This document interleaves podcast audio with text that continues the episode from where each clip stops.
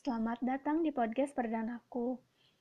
Oke, kenalan dulu ya, karena kan kalian harus tahu suara yang didengerin ini suara siapa. Jadi, namaku Nur Aini, mahasiswa jurusan Agroteknologi, Fakultas Sains dan Teknologi di Universitas Islam Negeri Sunan Gunung Jati, Bandung. Nah, di podcast ini eh, mungkin kebanyakan akan membahas seputar pertanian. Buat episode pertama ini, aku mau sharing salah satu kegiatanku selama di rumah aja. Jadi, aku menanam tanaman hortikultur, yaitu cabai rawit itu loh cabai yang kecil-kecil dan kalau di daerahku Bandung Barat dan sekitarnya biasanya disebut cengek.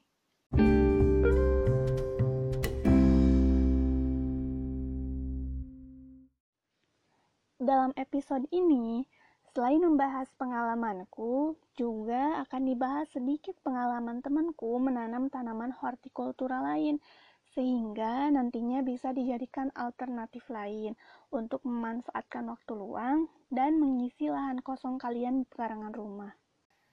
Cabai rawit atau capsicum anum ini biasanya kita temuin di sambal, kuah seblak, mie ayam, eh, kuah baso, dan kalau orang-orang yang suka pedes tuh kuah basonya bisa sampai merah banget. Atau enak juga loh kalau digadoin bareng gorengan. Eits, jangan ngiler ya. Nah, ternyata cabai rawit ini juga memiliki banyak manfaat loh teman-teman. Di antaranya dapat meningkatkan nafsu makan.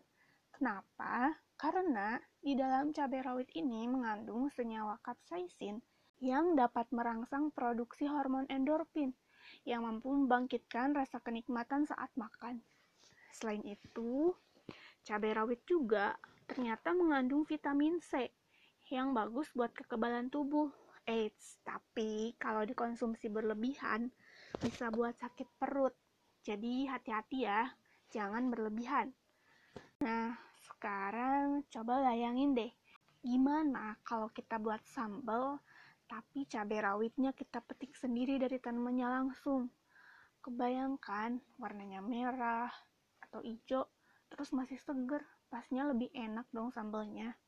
Nah, supaya kita bisa metik sendiri buat bikin sambal, gimana kalau mulai sekarang kita isi kegiatan di rumah dengan menanam cabai rawit nih? Pertama-tama, kita harus siapkan alat dan bahannya terlebih dahulu. Yang pertama, bibit cabai rawit.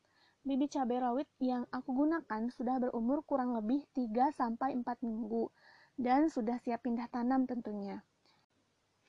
Kalau tidak ada bibitnya, kalian bisa menyemai benihnya terlebih dahulu di tray atau bak semai dengan perbandingan tanah dan pupuk organik 2 banding 1.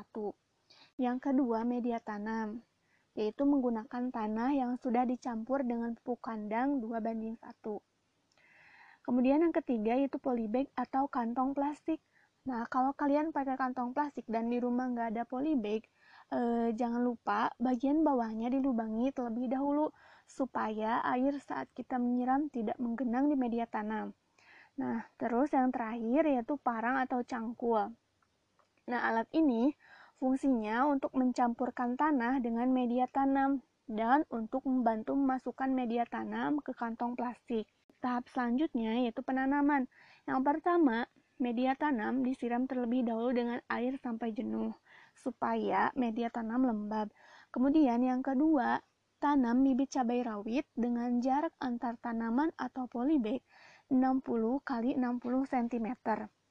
Kemudian yang ketiga, buat lubang tanam di tengah-tengah media tanam dengan kedalaman kurang lebih 10 cm.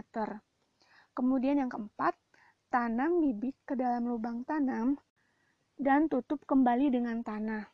Jadi aku menanam cabai rawit ini di tiga kantong plastik masing-masing satu tanaman per pot. Untuk pembedanya, aku menggunakan plastik uh, yang berbeda warna, yaitu ada yang warna biru, ungu, dan hijau.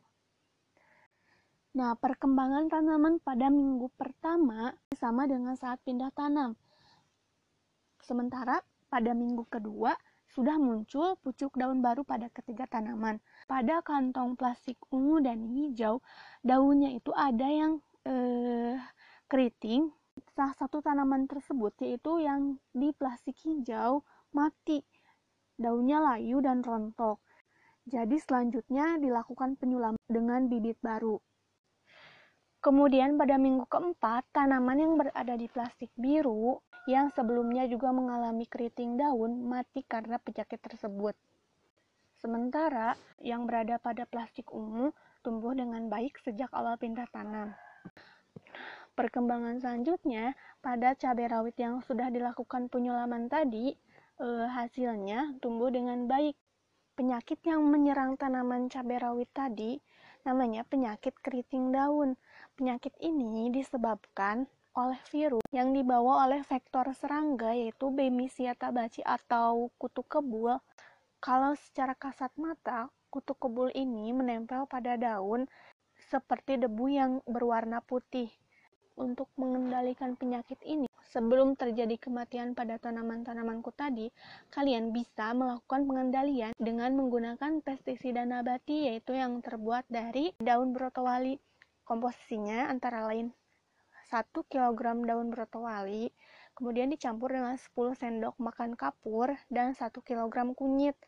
Nah, cara membuatnya, ketiga bahan tadi ditumbuk, kemudian diambil airnya, lalu dicampur dengan air 30-50 liter.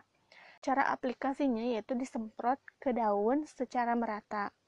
Sementara pengendalian secara kimia dapat menggunakan pestisida yang mempunyai bahan aktif abamectin dan imidacloprid dengan perbandingan bahan 1 banding 1.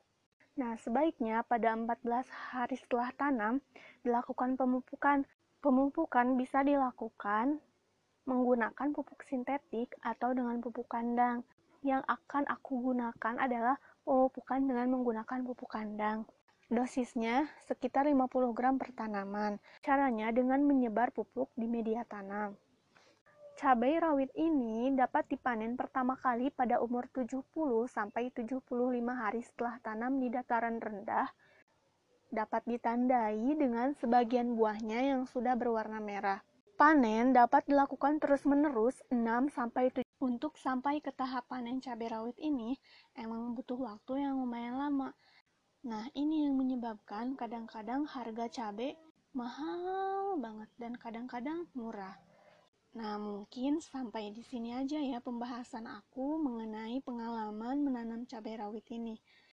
Nah, selanjutnya aku mau membahas pengalaman temenku waktu menanam tanaman hortikultura lainnya nih. Jadi, temanku ini yaitu Noviana Herlina, dia itu nanam kangkung darat di polybag. Jadi, dia pakai polybag ukuran 15 cm x 25 cm dengan media tanam tanah dan pupuk organik dengan perbandingan 2 banding 1 dan dia menggunakan 12 polybag dengan satu polybag diisi 10 benih kangkung. Jadi jumlah tanaman yang dia tanam itu ada 120 tanaman. Novi juga memiliki beberapa hambatan nih teman-teman. Di antaranya ada benih yang dia tanam itu sebagian ada yang tidak tumbuh. Selain itu ada pula daun yang bolong-bolong dimakan hama. Tapi ada yang unik nih dari cara dia menanam kangkung. Dalam perawatannya, dia menyiram kangkung dengan air cucian beras dan ada yang disiram hanya dengan air keran. Tanaman yang disiram dengan air cucian beras ini pertumbuhannya lebih bagus, tetapi ada daun-daun yang menguning. Mungkin bisa disebabkan karena telat dilakukan pemupukan. Jadi daun kekurangan unsur nitrogen yang ditandai dengan adanya daun yang kekuning-kuningan.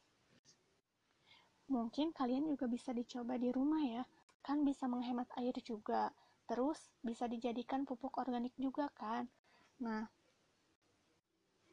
nah jadi dari pengalaman aku dan temanku Novi ini dalam menanam tanaman hortikultura ini selain perlu dilakukan penanaman yang baik juga perlu dilakukan perawatan yang benar Nah, selain itu juga perlu dilakukan pemupukan tepat waktu supaya tanaman kita tumbuh subur dan mendapat makanan. Jadi, tanaman tidak menunjukkan gejala-gejala kekurangan unsur hara. Dan yang pasti, kalian jangan menyerah kalau ada tanaman kalian yang terkena hama dan penyakit. Nah, itulah pengalaman aku dan temanku selama belajar dari rumah karena adanya wabah COVID-19 ini. Semoga wabah ini cepat berlalu. Amin.